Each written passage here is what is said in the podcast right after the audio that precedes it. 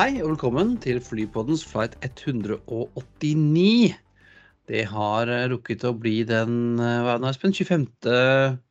januar? Ja. Ja, det vil si det er én måned igjen til jeg har bursdag. Ellers er det elleve måneder til jul. Hva som er viktigst for deg. Som vanlig hører du altså meg, Kristian Kamhaug, og Espen S. ja, og i dag skal vi innom Vi skal starte i konkurshjørnet. Vi skal se på litt salgstall for Airbus og Boeing. Det er nye lavprisselskap på vei, og de som driver med fly som frakter svære, svære ting, eh, de kan eh, Ja, der skjer det nye ting der også. Og så skal vi innom kakerlakken, eller Alitalia selvfølgelig, og vi må en liten tur eh, til Midtøsten, hvor det er en annen konflikt enn den vi pleier å se fra Midtøsten. Og så har vi denne gangen ikke bare én Espen, men to Espen er med oss, Espen. Ja, for vi har pratet med Vi har snakket med Espen Turman, som er kommunikasjonssjef i Norwegian, som del av denne serien vi har med intervjuer av kommunikasjonssjefene i norske flyselskaper. Og Men jeg har noen flighter til deg. ja, OK. Skal vi, hvis vi skal begynne med det, før vi tar en, en, si, halve ulykken og en ting mer, la oss begynne med TF 189 MMX til BMA med en ATR. Ja, det er bra. Eh, eller det er jo gamle, det er jo TF er den gamle koden til eh, Malmö Aviation. Gå fra Malmö Sturup da, til Bromma. Ja. Og så er det U6 189 DME til UFA med ymse 320-er. Eh, U6 er det U... Det er ikke Nei, nei uh, U6, det, vi er i Russland i hvert fall. Russland. Vi er i eh, Moskva Dermedevo. Domodedovo. Domodevo. Ja. og, eh, Det er noen få flyplasskoder som sier veldig mye hva byen heter. UFA. Hva byen heter UFA. Heter den UFA? Ja. Er det en by som heter UFA? ja. Ja, ja, ja. Uh, det, nei, vet, dette vet jeg ikke. Ural Airlines. Ural, ja, selvfølgelig. Ja, uh, kommer litt. Og så er det U289 fra LTN til BFS. Med 329 og 320 CO. Ja, det er jo Luton. London Luton. Ja. Til eh, BFS. Er, er vi i Frankrike? No. Andre veien.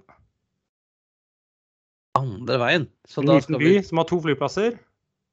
Og Belfast. Ja, dette er Belfast International, holdt jeg på å si, som er liksom lavprisselg, ikke City.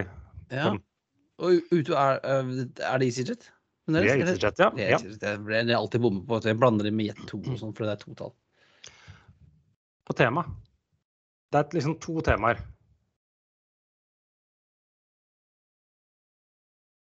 Ja, det er innenriks, da. Ja, det er innenriks, Det er jo. det er ikke med. Hoved, hovedstaden er med, jo. Eh, Hovedstaden er med. Men det er Men det er jo liksom ikke den primære flyplassen i hovedstaden. ja, det, det er det også. Det var en tre. Og så er det heller ikke med Jeg hater egentlig det uttrykket, men det er ikke det du kaller landets flag Det er ikke carrier. flag carrier. Nei, det stemmer. Mm. Nei, for det er jo for- Dermedievo er jo ikke Det er jo Sheremetyevo som er nummer én, Ja. jeg si. Og så er det vel Domodevo, og så er det Ja. Nukovev, og så er det en som heter Sukhoi, eller Sukhoi, eller noe sånt i tillegg. Ja. Så er det jo Bromma nummer to etter Arlanda, og så er Luton vel nummer tre eller noe sånt. Ja. Ja, men morsomt. Det var gøy. Men altså, én ulykke. Ja.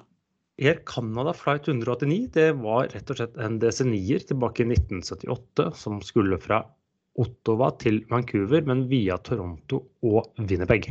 Eh, Så skikkelig sånn eh, melkerøte. Eh, Den var vel ja, ti år gammel akkurat da, men under avgang fra etter mellomlandingen og, og Toronto, så punkterte, punkterte, punkterte den. Og Det kom opp masse warning, så de valgte å abort uh, the takeoff. Uh, og da havn, klarte de ikke helt å stoppe, havna nedi en sånn grøft som er ved enden av rullebanen. Eh, der. Eh, to døde. eh, to passasjerer som satt egentlig akkurat der flyet knakk. Den heter Etobicoke Creek Creek Ravine, heter den. ja. Og det Der er det flere som har vært. ja. Et, i, I eh, 27 år senere så var det en Air France A340 som havna nede i samme grøfta og brant opp. Heldigvis døde ingen der, da. Nei, og det er jo sånn typisk Den har jeg sett blitt brukt som eksempel på hvorfor eh, det er smart at du har cabincrew som vet hvordan du skal evakuere. For den klarte de å få ut tømt på under 90 sekunder. Ja, og så er det greit å ha noe i enden av rullebanen, så du kan dra litt uten at du går rett ned i et stup òg. Er jo også en Ja, Men det er jo ikke altså, er det er jo ikke den som har det. Altså Stord, Sandane Nei, men jeg tror de har gjort noe i ettertid. Slik jeg har forstått det. Uten at jeg er Etter to ganger så skulle man kanskje ha tenkt at det var litt smart, da. Og så leste jeg at de Air Canada flight-nummeret fortsatt de fortsatte å bruke det ganske lenge. Ja, det var slik jeg forsto det, jeg også. Uh, jeg har ingen flytype, men derimot, så, uh, mens jeg søkte etter flytyper og fly, så fant jeg en bok. En bok. Ja.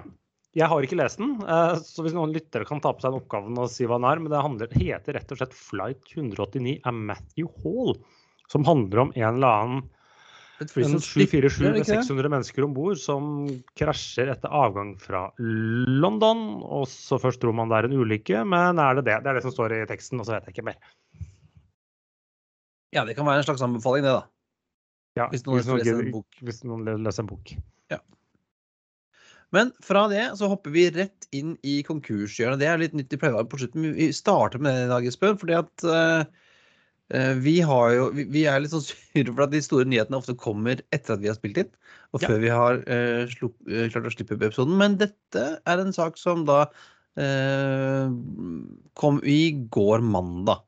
Ja, da si, La oss kalle det våre venner. Leap, de søkte, eller jo, de søkte om såkalt foretaksrekonstruksjon. Rett og slett, de er konkurs. Ja. eh, Ja. Og i motsetning til sånne amerikanske chapter 11-greier, så betyr Eller det de norsk-irske. Ja, eh, så betyr det at eh, der vi stengte butikken, og ingen fly går. Ja. Så i går så bare sluttet de eh, å fly. og så De sier at de har jo da et håp, mål, om det er realistisk eller ikke, å komme tilbake. Men akkurat nå flyr de ikke. Og det var jo intervju med en eller annen det luftfartssjef oppå det Ørlandet eller noe sånt nå, eh, som sto og liksom sjekket inn passasjerer mens de fikk beskjed at flyselskapet er konkurs. Det er litt sånn surrealistisk. eller litt, Det er litt sånn litt en morsom historie oppi det triste. for Det er mange som mister jobben, selvsagt, og det er synd. Eh, men at du liksom tenk deg at du står der, og så sjekker du inn på flyet, og så idet du skal levere kofferten din og tror alt er i rute, så nei, du skal ikke dra, for mens du sjekket inn, gikk vi konkurs. Men det har jo sånne Hvem var det det her? Det var en sånn for en stund siden også, hvor liksom folk satt om bord. Og så fikk de bare beskjed om at nei, eh, ta med dere bagasjen deres og gå av, for at dette flyet går, dette flyet går ikke. Var det Monarch? Jeg lurer på om det var det. Eh, jeg, fl- jeg fløy jo med de et par dager før det gikk eh, i, i konkurs. Men ja. ja men jeg lurer på det jeg mener at det var England, det kan ha vært mandag, eller om det var Flyby, det skal jeg ikke si. Men det var sånn der hvor du liksom, var satt om bord og bare Nei, dette, dette flyet går Nei, ikke. Primera. Primera var Det det. var Primera, ja. Ja. Men det de sier at de, dette er et offer for eh, pandemien, og de sier at de ikke har fått nok eh, støtte fra de svenske myndighetene, og kassa er tom. Ja, altså, vi- er veld, vi har jo vært veldig glad i Airlip. Vi, har, vi fikk jo fly med dem til, eh, til Røros. Og, Og vi har flyttet dem til Stockholm. ja. Det har vi også, faktisk. Mm. Det stemmer. Men det er jo et litt sånn Det er litt sånn sammenrasket rutenett. Det henger jo ikke alltid helt sammen. og det er litt sånn Nei, det får man se, men det betyr at nå må det jo en ny aktør inn på noen av rutene deres. Det er ikke sikkert alle som må erstattes, men nå som student Oslo-Røros, det er jo en anbudsrute, så her er kommer noe nytt. Den skal jo noen fly på. Ja, og Oslo-Ørlandet, det, det er ikke en tradisjonell anbudsrute, men eh, det er en eh, aldri så liten forsvarspost der oppe som sørger for at den går rundt. Uh, også Stockholmeri havn på Åland står også nå uten trafikk. Men det er kanskje ikke så farlig med Arlanda-Visby sammen med tre andre. Men, Nei. Nei, Men det, disse anbudsrutene vil jo naturlig at noen, eh, noen overtar, da. Eh, Jeg så at den Amapola Fokker 50 den fløy jo rett tilbake tom fra Ørland, var det vel? Tilbake til Sverige. Ja, uten de passasjerene som forsøkte å sjekke inn. Så det, ja. Kunne jeg ha vært kule og bare stoppa inn i, på Oslo, da. Sluppet jeg. Ja, jeg vet ikke, men plutselig skal du ha lisens eller Jeg vet ikke, det er sikkert et eller annet. Eh, Ja, jeg regner med at det dukker opp en eller annen eh, et eller annet hurtiganbudsgreie fra Samferdselsdepartementet. Dat har sagt de er interessert. Eh, men de påstår samtidig de vet ikke helt om de har kapasitet, uten at jeg helt skjønte den. Men ja. ja. ja, det er jo også, det tipper jeg vel at våre grønne venner også står klare, for de har jo hoppa inn der før i på en kort, kort tid. Jeg får se da, om de er interessert og passer det. Har de kapasitet? Vil de heller fly steder hvor det er passasjerer? Ja, ja. ja.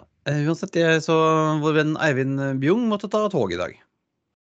Ja, han skulle så, egentlig fly. Så, det, ja. Ja, så vi, vi fører med deg, Eivind. Det skal nok gå bra etter hvert.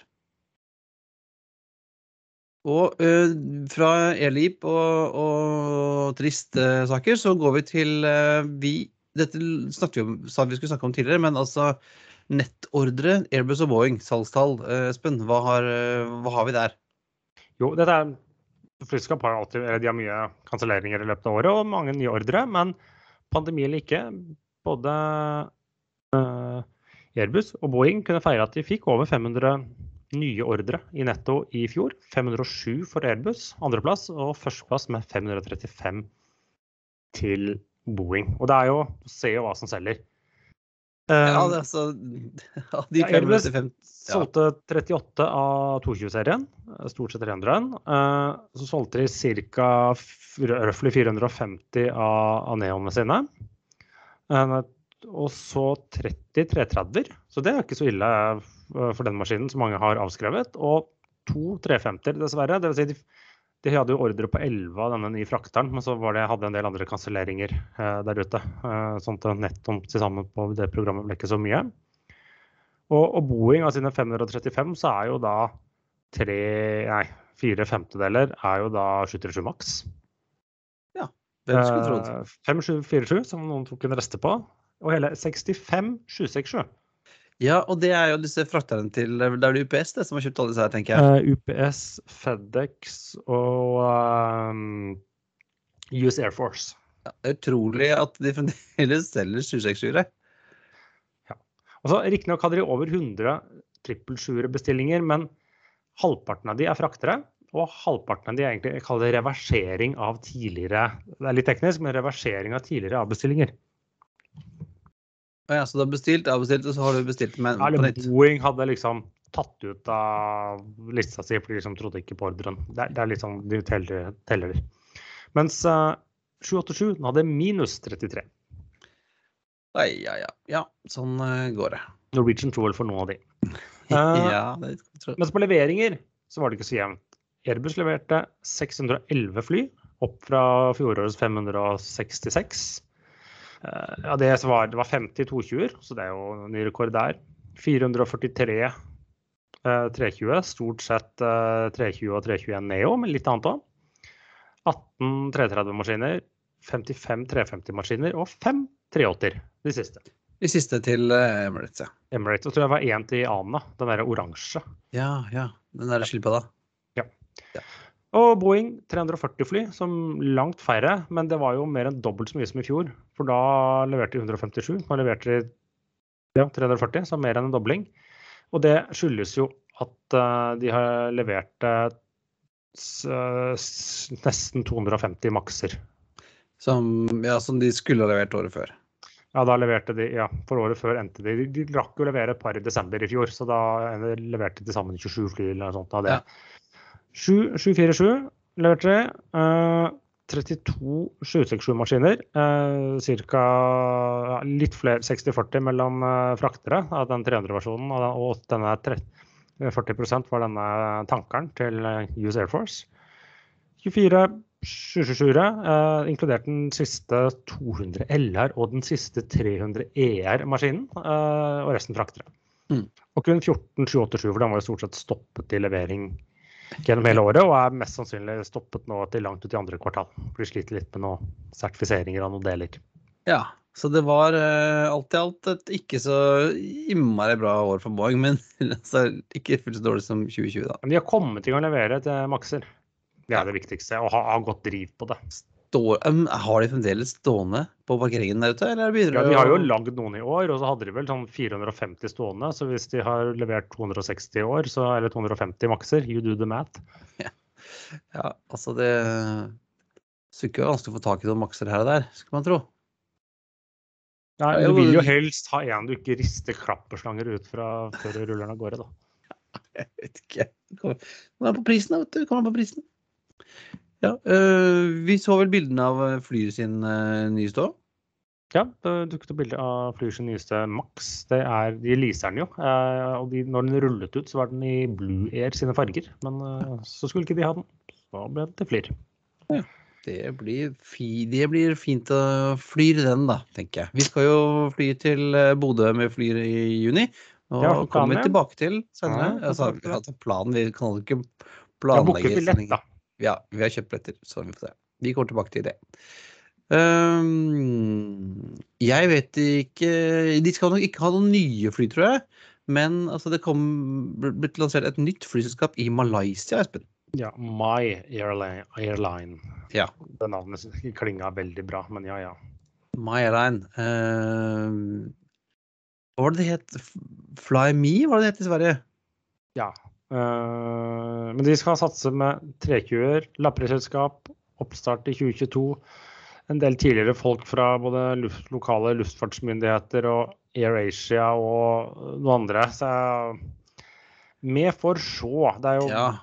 Går jo da inn eh, og skal være sånn ULCC mot Ja. Air AirAsia, som jo sliter ganske hardt. de sliter, men det skyldes jo pandemien. For de har jo hatt en imponerende reise, selv om Air Asia, den størrelsen de er. Så lenge de klarer å overleve, så er det vanskelig tror jeg, å konkurrere mot den gorillaen der. Ja, altså vi får se, da. Det er jo øh, noen folk med litt erfaring og Jeg har litt sånn inntrykk av at sånn som Malaysia Airlines har jo sånn derre de, sliter, jo også litt, og jeg tror inntrykk av liksom at uh, folk er litt lei. De må ha noe annet. Ja. Så vi ønsker, men vi ønsker alt det nye aktører uh, lykke til. ja, ja, ja. Men jeg må ikke tenke å tro på dem for det.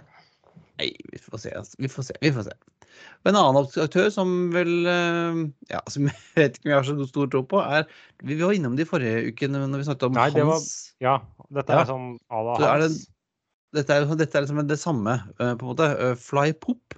Eller Poop, eller hva det blir. Ja, People over money. Ja, de skal fly Har nå fått sitt andre A330, Ja. men har ikke begynt å fly noen passasjerer ennå. Nei, fordi de skal jo fly billig mellom uh, Storbritannia og India, India. Og det har de foreløpig ikke kommet i gang med, så da uh, leier de ut flyet til uh, High Fly Malta, som bruker det som sånn prakter. Ja, så det, istedenfor å fly folk, så flyr de vel rundt med noe jeg, hurtigtester og munnbind og greier, da. Ja. Ja, men eh, det blir jo gøy å se da, når de nå da skal eh, De og Hans skal eh, konkurrere med Air India, British Airways og Virgin til India. Det kan jo bli gøy, det. Vi får Men se. Og fra uh, nye flyselskaper så skal vi til et ordentlig gammelt fly, egentlig, Espen. Ja, for man har verdens største fly, AN 225, som flyr en gang i, iblant eh, når noe skal fraktes som er veldig stort, eller de har fått start på motorene, eller hva det måtte være.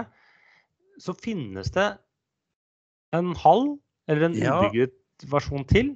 For, På det- et ja, for det fins jo bare én uh, sånn eh, AN225 Mrya, men det fins, som sier, en halv en til. Det ble bygd en uh, flykropp. Den er altså Selve flykroppen fins, og ikke noen vinger, ikke noe hale og knapt noen nese. Den har stått uh, i Ukraina et eller annet sted, ved Antonov-fabrikken, siden er det 94 eller noe sånt? Lenge. Ja, lenge. Eh, stått sånn eh, påbegynt, eh, stått litt ute, stått litt inne. De har ikke helt funnet ut hva de skal bruke den til, men nå skal visstnok Tyrkia være interessert i å være med og få den på plass bygd. Men det er ikke første gang. Jeg mener jeg har hørt om noen lignende historier at nå skal vi bygge den ferdig. At jeg mener det har versert før, og det ikke er tredje gang. Du vet, når den har vært ut og inn Hvis du, kommer over en sånn der oljejakke fra 94 som har vært litt ute, du vet hvordan den ser ut. Hvor falmet og loslet den er. Jeg tror det er det samme med denne flyet her, altså. Ja, og så er det jo Det er, kommer jo ikke til å bli billig. Altså, det er en grunn til at de bare bygde én av denne her, og at det var Sovjetunionen som eh, kasta penger ut av vinduet, som gjorde, gjorde det. Ehm, jeg har sett et sted at de antar at kostnaden ved å bygge opp denne igjen da vil ligge på rundt 300 millioner dollar. Ja. Det er mye penger. Nettopp. For et fly som du kan fly sånn av og til når noe innmari svært skal fraktes et godt stykke. Ja, og med Det er ikke akkurat nyeste teknologi det er basert på. Nei, kanskje, kanskje det blir en sånn uh, AN225 Neo, da? Skal du sertifisere ett fly? Den Kostnaden der kommer til å være helt insane også. Men det, ja. Ja, men altså, Tyrkia har jo et, eh, har jo et ønske om å bli, bli en stormakt. Kanskje de kan uh, male den i samme fargene som denne 2478-en deres, da? Kan de fly rundt og si hvor fin Tyrkia er? ja, de de er jo kanskje troende stille. Men eh, det tar jo så litt glidende over til neste gang, for vi er fortsatt på ting som er stort. Ja, og som jeg har litt stor, større uh, tro på. Altså Airbus har jo nå satt i drift denne nye Beluga XL. Ja, de Som har disse er- frakterne sine som frakter flydeler. Først bygde de en for var det 20-30 år siden, 30 år siden en, basert på en uh, Airbus A300. Og så etter hvert så ble den litt for liten og litt for lite effektiv og kanskje litt gammel, så de bygde en ny en basert på A330. Det er jo egentlig bare å ha satt på en gigantisk kuppel på flyet. ja, ja, du kan si det, Espen. Og før det igjen så hadde du jo disse gamle Boeing eh, Stratocruiser bygd på Guppy, ja. ja. Ja, så de bruker jo de til å frakte deler, vinger, flykropper osv. mellom de forskjellige Airbus-fabrikkene. Ja, og når de da har satt disse XL-ene i drift, så de bruke Så har de jo disse gamle A300-baserte Beluga ST. Ja, det het den gamle, ja. Ja, eh, fem stykker som de da ikke hadde brukt for. eh, Men de blir nå samlet i et nytt flyselskap som skal drives ved siden av av Airbus, som skal da kunne fly mye av det samme som AN225 driver med. Altså svære ting. Ja du, og du skal helst ikke for langt, for rekkevidden er ikke all verden med så mye luftmotstand. Og flyene er jo bygget for å frakte mest luft. Ja, så det er liksom store ting som ikke, Ja. er, så, ikke er så tungt. Nei, Altså, en, en, en flykropp er jo ikke lett, men eh, den består jo tross alt stort sett av luft inni. Ja. Du, du bruker ikke den til å frakte laks. nei. Men her kan det sånn Altså, bå, skip, da. Båter, helikoptre. Ja. Svære greier. Masse luft. Ikke tanks, tror jeg det blir for tungt igjen. Ja, men munnbind. tanks, munnbind. nei. Ja. Nei. Uh, så det er tydeligvis at det de skal De har, altså, kan fly 47 tonn, så det er jo ikke store Det er jo ikke så mye. Ikke så mye, ikke så tungt. Men eh, Og så er det jo sånn Den er jo så høy. Altså, de må jo ha med seg, de må jo ha med seg en egen sånn lasterampe, på en måte. Vi laster jo inn i nesa, altså, nei, inn i, ja, inn i fronten, og samtidig må den over den der cockpit-nesa, som er liksom sunket litt eh, under. Men ja. Så de må ha med seg en sånn um, En sånn rampegreie, da. Men altså, jeg tipper sånn oljenæringen og din, din næring og sånn, Espen, som flyr svære ting. ja, de har ofte tunge ting og dyre ting og små ting. Ja, men eh, det gjør det mulig at det kan dukke opp, eh, dukke opp sånne belugaer på litt andre steder enn man har sett de før, da. Ja, nei, vi eh, Stavanger, kanskje? en Olje, det kan være noen oljegreier. Jeg vet ikke. De her, sånne, sånne, de her juletrærne som står på bakken, som står på bunnen og sånn. De har gjerne ikke så hast med. Nei, nei. Dessuten er De av stål. Ja, men Ja. de er store og av stål. Ja, det er tydelig at Airbus har sett at her er det en eller annen eh, forretningsmulighet da, til å fly med, med minibelugaene sine. Ja. Men noe de ikke skal gjøre, eller som jeg tror noen andre skal gjøre nå, det, skal de fly om, til mellom Amsterdam og København? Eh, de, jo, de kan jo fly med luft, og det er jeg redd for at andre gjør også. For nå har eh, Vi har jo snakket om at Oslo-London hadde veldig mange eh, operatører. Men nå har altså et femte flyselskap eh, gått inn på Amsterdam-København-ruta. Ja. Det er Whaling. Ja, for de har en liten base-ish, eller i Amsterdam. Ja. eh, og fant ut at der skal vi inn, for der, vi trenger jo et femte flyselskap. For det er liksom ikke nok med KLM, SAS, Norwegian og EasyJet. Som flyr sånn 100 ganger i uka til sommeren der. Da trenger det litt mer kapasitet. Ja, Det er klart. Uh, det flyr da altså bare én gang om dagen. Eh, alle dager unntatt eh, fredag og søndag. Eh, og så har du da en KLM som flyr sånn sju ganger om dagen. Ja. Så jeg vet ikke helt hva de prøver på der, men de hadde vel en eller annen slott de måtte fylle, da, eller et eller annet. Jeg vet ikke. Nei, det skal i hvert fall godt gjort ikke få deg en plass mellom København og Amsterdam om dagen. Og, mm, men det er, det er jo da den tiende ruten inn til København. Vueling har jo ikke noe base i København, men de flyr jo inn fra omtrent alle stedene de har baser. Ja, En del spanske og middelhavsdestinasjoner. Eh, Paris, ja. Ja, Alicante, Barcelona, Lazarote, Las Palmas, Malaga, Palma, Tenerife, Firenze og Paris Orly i stedet til Amsterdam. Og sånn kan du komme deg til Lanzarote, Christian. Ja, men altså, jeg må komme til København nå. Og det, Det er vanskelig. vanskelig. Nei, men du skal liksom helst uh, Jeg er ikke noe glad i sånne ikke-sammenhengende billetter. vet du, Espen. Du må ut og sjekke inn, og så bare kommer du ikke til Nei, det er jo dritt. Altså. Det har jeg gjort én gang Uh, via, via Manchester. Det gikk jo ikke så innmari bra. Jeg kom meg jo til og fra, da, men det Ja, nå- jeg ja. Ja, vi har, liksom. vi har prøvd det selv. eh, Nei, den får bli med når når jeg skal reise lett til Lanzarote. Ikke ha med meg så mye bagasje. Da kan jeg, da kan jeg gjøre det. Men du trodde ikke at du kunne reise med Alitalia? Eller? Nei, det, det hadde jeg gitt opp. Uh, Alitalia er jo konk og ferdig, og man brukte, skulle jo legge ned det, det merkenavnet, eller? Eller skal man det, ja? Nei. For nå så kom da en eller annen Italia ut og sa at nja, kanskje vi skal fly litt videre og kalle oss litt Alitalia, men kanskje bare Var det deler av var det, Skulle det ikke hete Alitalia innenriks? Eller var det Alitalia vurderte de å fly innen Europa, eller var det langdistanse? Det var ingen Nei. som helt skjønte det. Det eneste som jeg skjønte, var at det ikke skulle være et, et low cost brand, i hvert fall. Nei. Hva skal men- ITA være, da? Det, det, hvem vet? Og nå har jeg malt i nye, fine blå farger og Nei, altså den der sagaen om Alitalia vil jo ingen ende ta. Um, og de sier jo riktignok at uh, mange andre flyselskapgrupper har jo flere brands å spille på. Ja, som kanskje er litt mer velfungerende. ja, det er, men det er jo et bra brand. Jeg skjønte aldri hvorfor skulle de ha det ITA-navnet for det. Altså, Jeg tror de bare prøvde å liksom post, skille seg av fordi at de risikerte å måtte betale tilbake noe eh, helulovlig statsstøtte. Ja. Eh, Men eh, i går ble det jo også kjent at, eller bekreftet at Lufthansa sammen med dette MSC-rederiet nedi, nedi der MSC? Er ikke de sveitsiske? Det kan være at de har en postboks der, men det heter er jo Mediterranean. Mediterranean Shipping Company eller Group, eller hva det måtte være. Eh, Er interessert i å kjøpe eh, seg inn, men de vil helst at staten fortsatt skal drive og eie en, en del. eh, Men det er foreløpig bare samtaler. Ja, så vi får se, da.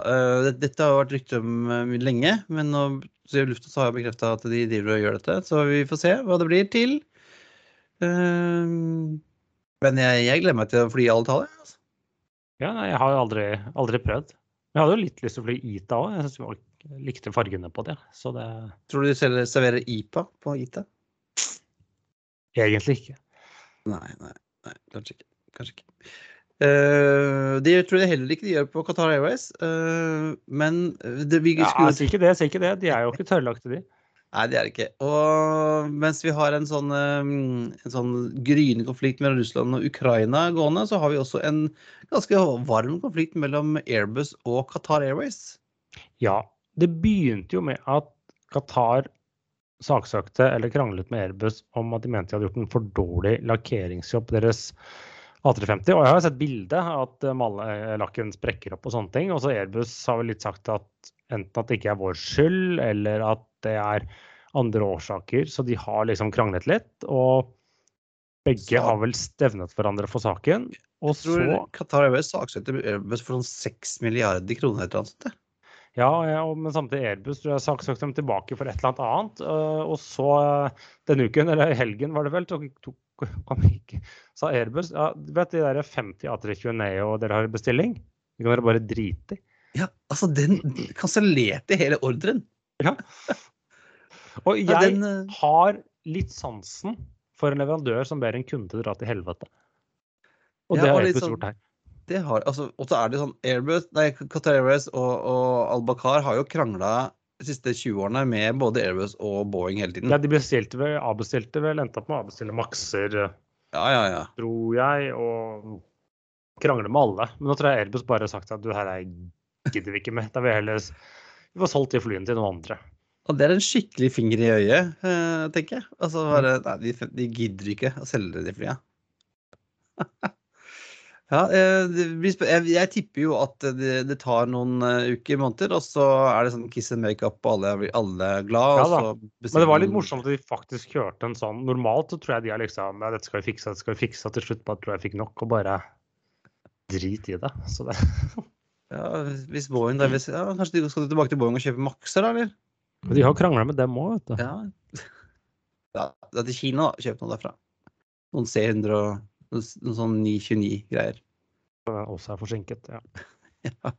Det, altså, det er never a dull moment i denne, denne bransjen, Espen. Det er jo derfor vi har holdt på med dette nå i 189 episoder. Mm. Alt noe gøy. Men det tar oss oss videre, for vi har uh, vi hadde en ny, ny gjest.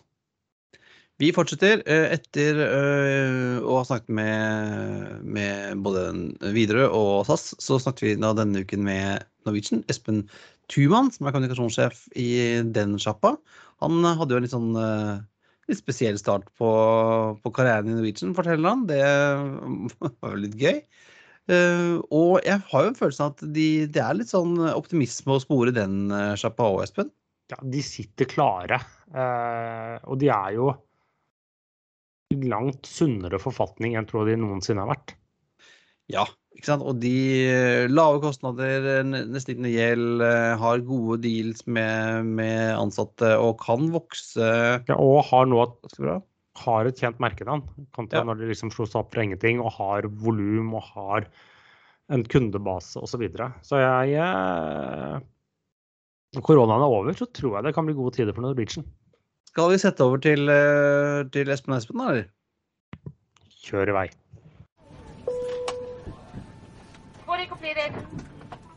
Velkommen til Flypodden, Espen og Espen og Espen, må jeg nesten si da. Takk for det. Espen det. Thuman, Norwegian, velkommen til oss. Takk skal du ha. Det har jo vært et, eh, hva skal vi si, et turbulent år igjen.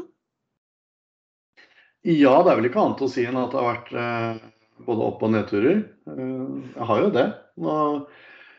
Noen eh, nedturer og påfølgende oppturer var vel liksom godt forberedt på, mens andre var litt eh, bråere på. Vi, når vi opp- oppførte flyåret 2021, så hadde vi vel Norwegian på topp av de beste. Ja, vi hadde jo rett og slett Norwegian sin rekonstruksjon eller noe sånt. For det, det er jo det man kan si at Norwegian er ikke et nytt selskap, men på mange måter så hadde dere en ny start i fjor. Ja, jeg vil eh, si vi har på en måte fått eh, tatt med oss eh, det beste og klart å starte litt på nytt. Så på én måte så er det jo et nytt selskap. Vi er jo et restartet eh, selskap. Uten eh, den gjelda og de forpliktelsene vi hadde, da, i, i hvert fall ikke i samme grad.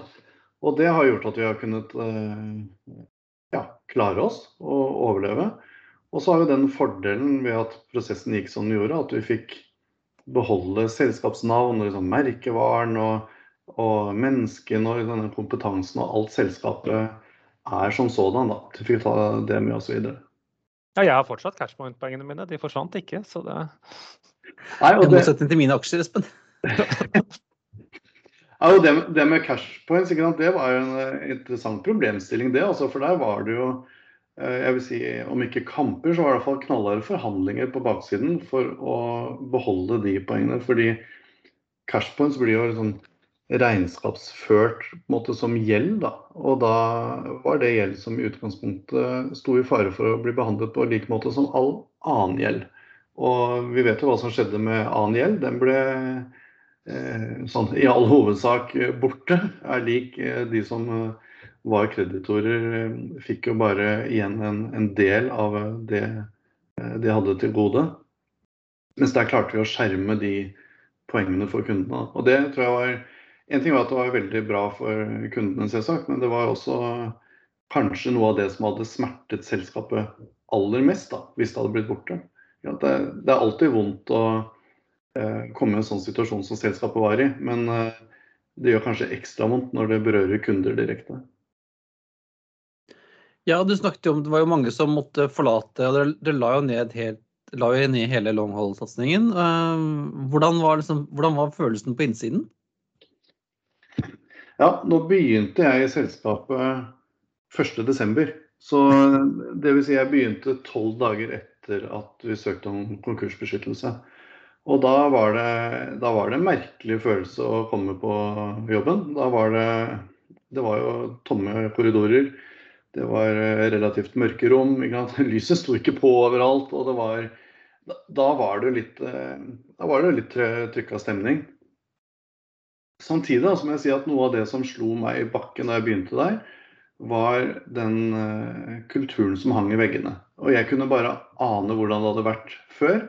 Fordi det inntrykket jeg fikk, uh, var at her var det en utfordrerkultur, en stå-på-vilje, et uh, fellesskap og en sånn optimisme og positivitet. Da, som selv da, hvor det liksom var som aller mørkest, bokstavelig talt, gjorde inntrykk da, da jeg begynte der.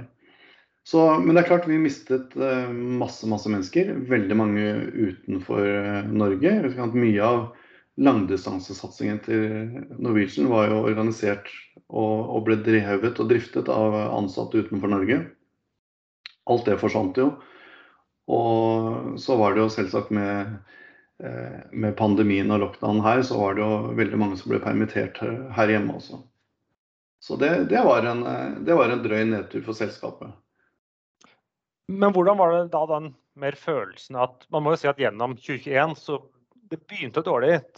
Fem første månedene hadde det alt, hver måned uh, godt under 100 000 passasjerer i måneden. og under halvfulle fly, uh, til den, liksom, den gradvise veksten som i hvert fall holdt seg ganske bra til med oktober, før vi fikk litt blanding av omikron og, og sesongsvingninger. Hvordan har den, uh, den vært? Man, ja, vi har jo fulgt med på passasjertallene deres. Ja, nei, og det er jo riktig det. og det passasjertallene det blir jo nesten sånn komisk når du skal rapportere om endringer i prosent og sånn. Det blir jo det blir helt sånn elleville tall. Men eh, nei, ikke sant. Fra å ha Jeg tror vi hadde rundt 300 000 passasjerer i august 2020. Så hadde vi nesten 800 i august 2021. Um, ehm, og sånn på vårparten hvor det var hvor vi fløy rundt med ja, i snitt kanskje åtte-ni fly. da, Mm. Til i sommer så var vi oppe i rundt 50 fly eh, i snitt. Det, det, er klart det var en eh, enorm operasjon. Og det er to ja, ting ser jo på tallene deres, Dere hadde under 60 000 passasjerer i april, og så klarte dere både oktober og november med over en million. Ja, stemmer. Og det, og det, er to ting å si om det. Da. Det ene var det å jobbe i selskapet og komme fra den eh, mest vanskelige perioden Eh, først overleve da som selskap og liksom vite at rekonstruksjonen faktisk ble gjennomført, og hvor vi endelig kunne si at nå, nå er vi tilbake igjen. Og så eh, og den optimismen som fulgte med det, og den gleden selvsagt over at, eh, over at vi kunne fortsette å jobbe i selskapet, den var helt enorm. Og så det neste med det var jo den kjempejobben som altså, ble gjort til å skalere opp og henge med på den trafikkveksten som da kom som en ketsjup-effekt av, av, dimensjoner. Da. Eh, det var jeg ganske imponert over. og det, det, er første gangen jeg er med på noe sånt og ser det fra innsiden. med hvordan alle da tro til og eh, gjorde jobben sin og mer til. Og noen gjorde andre sin jobb i tillegg liksom, for å få ting til å gå rundt. Det, var, det syns jeg var ganske imponerende å se på sånn fra innsiden, men litt sånn på sidelinjen likevel. På, med et sidesyn på det operative. Men så kom det jo en liten fartshump ved juletider som måtte gjøre at også dere kanskje måtte tenke litt uh, nytt på starten av året? Ja, hvis du tenker på omikron, så det, ja, ja. det er, så er det helt riktig. Nei, den kom jo og traff oss i bakhodet, den, som, eh, som alle andre. Uh, det er klart, den uh, Det er jo ikke den første nye virusvarianten vi må forholde oss til. Eh, men at den skulle komme som den gjorde, og at det kom så fort som det gjorde, det, det kommer litt eh, brått på hele bransjen. da. Nå hadde jo vi sånn i utgangspunktet hatt en sånn relativt sett da, konservativ tilnærming til vinteren. Sånn at eh, det traff nok ikke oss eh, så forferdelig hardt som det kunne gjøre for, eh, for andre i bransjen. Men For eh, januar er jo alltid en dårlig måned. Absolutt. Og det, det, det kommer liksom Her er det to, to vonde ting som kommer oppå hverandre. Så det, det er klart det, det er utfordrende nå. Og, og vi merker jo omikron selvsagt veldig, veldig godt. Men eh, nå nå er det da så 2021 Fitter jo reorganisert, og dere har jo kvitt masse gjeld og har et, sånn, et balance sheet som ser veldig bra ut. Dere, dere er liksom klare i startgropa nå for, eh, for 2022, eller? Ja, vi føler liksom at vi går rundt med joggetøy og gymsko på, vi altså, er klare til å, til å løpe videre. Og det, nå er det jo, Gjennom denne rekonstruksjonen så fikk vi også nye avtaler på flyene våre. Sånn at uh, vi har uh, i stor grad uh, avtaler som tilsier at vi betaler for flyene når vi flyr dem, og at vi ikke betaler så mye når de står på bakken.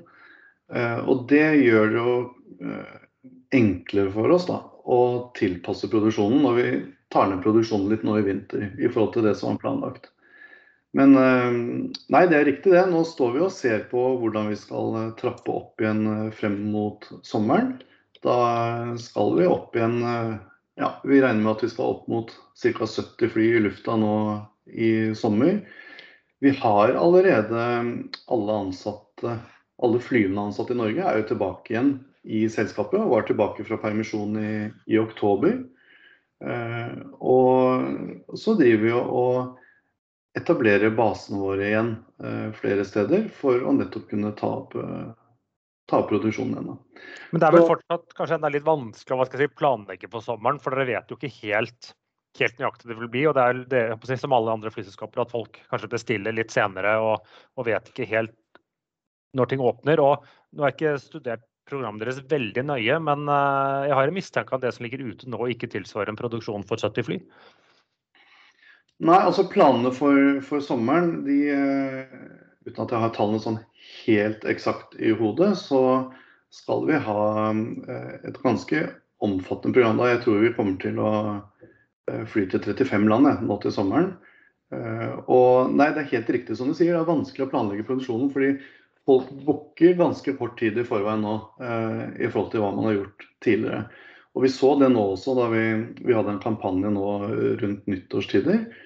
Eh, og da så vi at veldig mange av de billettene vi solgte i den kampanjen, eh, var for reiser allerede i januar. Mm. Og altså, relativt sett mange flere i januar da, enn det det normalt sett ville ha vært i en sånn kampanje.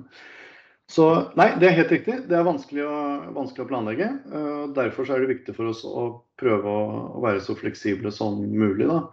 Men når det er sagt, så tror vi jo på at nå er uh, uh, altså, reisebehovet så oppdemmet som det omtrent aldri har vært før. Vi merker det mye på de destinasjonene vi har til sånn typisk sol og varme, ikke sant? Hvor, hvor etterspørselen selv nå er ganske god, og særlig når du ser frem mot sommeren. Så vi tror at når eh, omikron legger seg, kanskje vi til og med kan komme dit hen at uh, veldig mange har gjennomgått uh, covid, og at, uh, at vi sånn sett har en befolkning som enda lettere kan reise, så tror vi denne ketsjup-effekten kommer i år også, får jeg nesten si. Ja. Eh, jeg har faktisk sjekka litt, for jeg har helt av egen interesse så har jeg, jeg har en plan, plan tur til Kroatia og til Spania til sommeren. Men prisene er ganske høye. Jeg har sjekka litt, både, både Kroatia og Syd-Spania og lå 4000-6000 både hos dere og SAS og Ryanair og, og, og Flyr og sånn. Så det, det virker på meg da, som gammel revenue manager at uh, dere holder litt igjen. Ja, jeg vil si at etterspørselen er ganske høy der. Uh, og så det jo Jo, men at dere holder litt igjen på, på kapasiteten, virker det som. For at det, det er ganske høye priser for å være selv for å være i juni-juli sommeren. Ja, nei, altså vi Jeg vet ikke om jeg kan si meg helt enig i det. eh, Fordi nå driver jo vi og eh, har basene våre der. Vi har fly vi skal ha basert i Spania. Og vi skal trykke på det vi, det vi klarer, vi altså. Hvor, om vi har mer kapasitet vi kan sette inn eller ikke, det skal jeg ikke si for sikkert nå. Det kan godt tenkes at vi vil ha det. Eh, men vi merker i hvert fall at når det gjelder særlig de destinasjonene du snakker om nå, da, som er de typiske sommer- eller soldestinasjonene våre, så er det der allerede nå ganske stor etterspørsel. Så er det vel bare å, Men er det ikke bare å stikke ut på Sola eller på et annet sted og plukke noen flere fly, da, hvis du trenger det mer? Det står noen rundt omkring fremdeles? Ja, vi får jo flere fly enn vi, da. Så vi, vi får nå se hvor eh, raskt det går. Nå, eh, det er klart, det er jo noe av eh, gamet, det. Å prøve å ha riktig, riktig produksjon der hvor, hvor etterspørselen er, eller kan komme. Ja, for Det er jo noe utfordringen for alle selskapene. Det er litt sånn chicken race, for at alle vet at etterspørselen kommer til å komme, men ingen tør helt å, å trykke på knappen ennå. For, for det, altså, det, er jo altså, Bortsett fra Widerøe, som vi snakket med forrige uke, så har jo de fleste kapasitet eh, både på cruisesiden og flysiden. Men det, liksom det å, å, sette det i gang og, og ta folk tilbake er jo en liten kostnad. da. Eh, ja, det, det, er klart det. Og særlig det å, å, å, ha mennesker tilbake. Det er jo, I tillegg til drivstoff, så er det jo mennesker. Eh, og flyene, selvsagt. Det er jo det vi bruker penger på. Men der vi planlegger for en eh, økning fremover nå. Vi ansetter jo igjen i Stockholm. Vi ansetter igjen ved basen vår i Helsinki. Og vi har nye fly på vei inn som vi da Eh, ja, hvor de skal være basert, det får vi nå se på. Men skal fall, eh, vi skal i hvert fall ha flere fly inn som bl.a. skal fly dedikert til, til Spania. Så vi får, vi får, nå se hvordan det blir. Men det er vanskelige tider. Det er klart det er det. Og det å sitte og skru på knappene for å finne ut av hvordan, hvordan produksjonen skal være til enhver tid, det er krevende. Akkurat nå f.eks., så i den dippen vi har nå, så benytter vi anledningen til å eh, bruke noe av den eh, la oss si, frie kapasiteten vi har på cruise-siden, til å kurse litt, eh, f.eks. Så det er, det er, en annen måte å, å tenke på, da, med hvordan vi kan, eh, kan eh, utnytte tiden eh, til de ansatte som vi har på jobb. Og ellers, hva er planene for 2022 ellers? Nei, jeg vil si Planene er å, å fortsette veksten og så få altså, å, å, følge med på den veksten som kommer i markedet. Vi har jo fortsatt en organisasjon som delvis er uh, OK, og som delvis er for liten. Og med det så mener jeg at vi har en, si, en sentral organisasjon som, som, er på plass, og som er ganske OK. Den er også blitt resatt litt med rekonstruksjonen. Men så har vi en mer eh, operasjonell del av organisasjonen som skal vokse i takt med, med etterspørsel og med den flyflåten vi skal få. Så det, det, er det vi jobber med nå. Vi har jo også noen baser som har vært stengt, eh, som vi åpner igjen. Og det er vel liksom, sånn sett der vi kommer til å ha fokuset vårt. Da. Men vi tror som sagt, altså alt vi legger opp til er jo at nå skal etterspørselen komme igjen. Eh, folk vil ut og fly. Eh, og vi står liksom og spinner i grusen og er klar for å gjøre det vi skal gjøre der. Da. Ja, og med en gjeldsbyrde og en kostnadsbilde som er veldig veldig bra. Så det ligger jo veldig godt an for, å, for, å, for veldig lønnsom vekst, da, vil jeg tro. Eh, ja, det er akkurat det får jo andre vurdere. Hvordan, men det er klart vi, vi tror at vi er godt posisjonert sant, i konkurransen nå. Og vi har også med de eh, avtalene vi får på fly nå fremover, så har vi også sikret eh, denne såkalte Power Body Hour-ordningen. da, nemlig det at vi betaler for flyene når vi flyr dem, og ikke når de står på bakken. Det har vi også sikret for neste vintersesong. Sånn at eh, ja, vi, vi syns vi er ganske godt skodd. Og så er vi heldige som har eh, masse kompetente medarbeidere som eh, har, også de som har vært på utsiden av selskapet nå i pandemien, som nå søker seg tilbake til oss. Mm. Eh, enten de har vært uten jobb eller de har jobbet i andre selskaper. Og så er vi også heldige at vi har en stor og lojal kundebase som også eh, vi er veldig glad for kommer tilbake eh, når de kan ut og fly igjen. Da. Eh, Ja, siste, siste spørsmål. Hvor, hvor lenge tror dere kan få lov til å ha Power by the Hour? Det er jo en fantastisk deal. For, for flyselskapene, ikke, ikke, for, ikke for eierne, selvfølgelig. Ja, det er en fantastisk eh, ordning, og det, det er klart det er en, en stor, stor fordel for oss nå. Eh, nei, det kan jeg ikke spekulere i hvordan eh, dette her vil bli fremover. Det, det tør jeg ikke, rett og slett. Men jeg vil bare konstatere at jeg er veldig glad for at vi har de ordningene nå. Ja, det, er en, det er jo en super eh, mulighet for å liksom være fleksibel, som du sier, å kunne dra ned produksjonen eh, når ikke etterspørselen er der, og kunne gire opp igjen når du har, da har du den, der, den, der, den kapasitets eh, å spille med. Da. Det er jo kjempebra. Ja? Vi har det der. Og så er det også det at vi har en del eh, kolleger som har eh, ønsket seg andre type eh, arbeidstidsordninger. Da, sånn at de jobber med litt redusert stillingsbrøk i vinterhalvåret enn på sommeren f.eks. Det er klart at når folk rekker opp hånda og sier at eh, det kunne jeg godt tenke meg, så gjør det også at det er lettere for oss å kunne tilpasse kapasitet også på, på menneskesiden. Da. Men da tror jeg vi skal ta våre avslutningsspørsmål, Espen, i de, våre faste tre. Ja. Ja. Uh, første er rett og slett uh, vindussete eller midtgang. Det er jo ikke et uh, kort svar på et sånt spørsmål. Det er altfor sammensatt, vil jeg mene. Men det enkle svaret for min del er eh, midtgang på eh, stort sett. Men er det lange flyturer over natten hvor jeg skal sove, da er det vindu. Og, og så, så midtsete er ikke aktuelt liksom, for deg? Nei, det er veldig sjelden jeg velger meg midtsete, jeg minner om det. Ja, spørsmål to er kanskje litt vanskeligere. Det er da hva, hvilken er din favorittflyplass? Ja, Det kommer litt an på hva jeg skal vektlegge. Jeg synes at München av alle ting er litt Jeg er glad i München. Jeg syns det er rent, det er god plass, det er relativt stille og det er effektivt. Eh, Men hvis du tenker hvilken flyplass jeg eh, trives best på, så må jeg si Suvarnabhumi i Bangkok. Eh, Rett og slett fordi jeg har bodd i Thailand og har hauger av gode minner med den flyplassen. Det er, veldig, det er vel nummer to som sier den, Espen.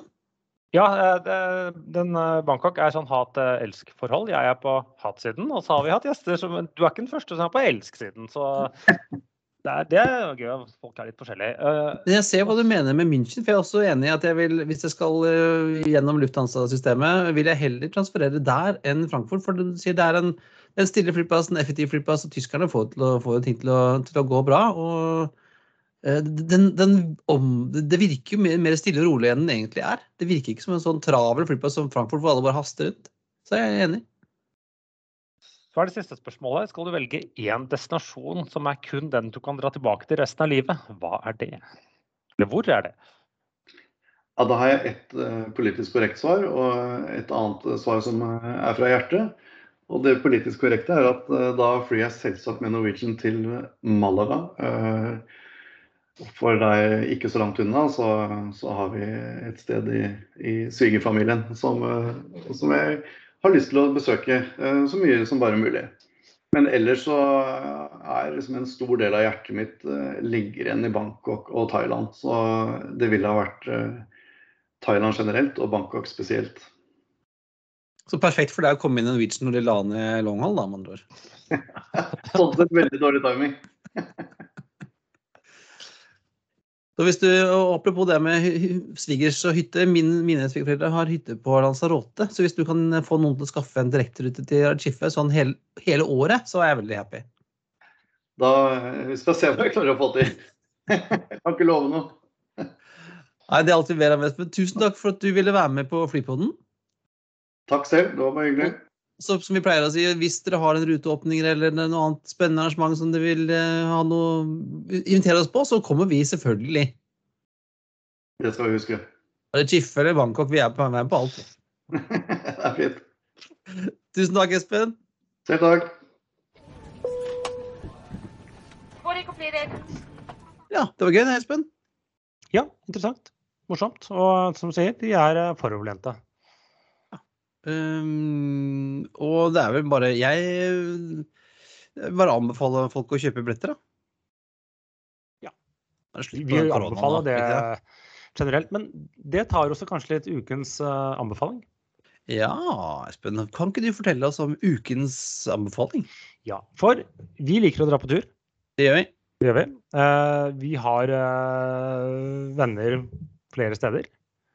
Så, Som også liker å dra på tur. også liker å dra på tur, så litt i eh, samarbeid med vår gode venn Thomas Lone og litt videre, så 3.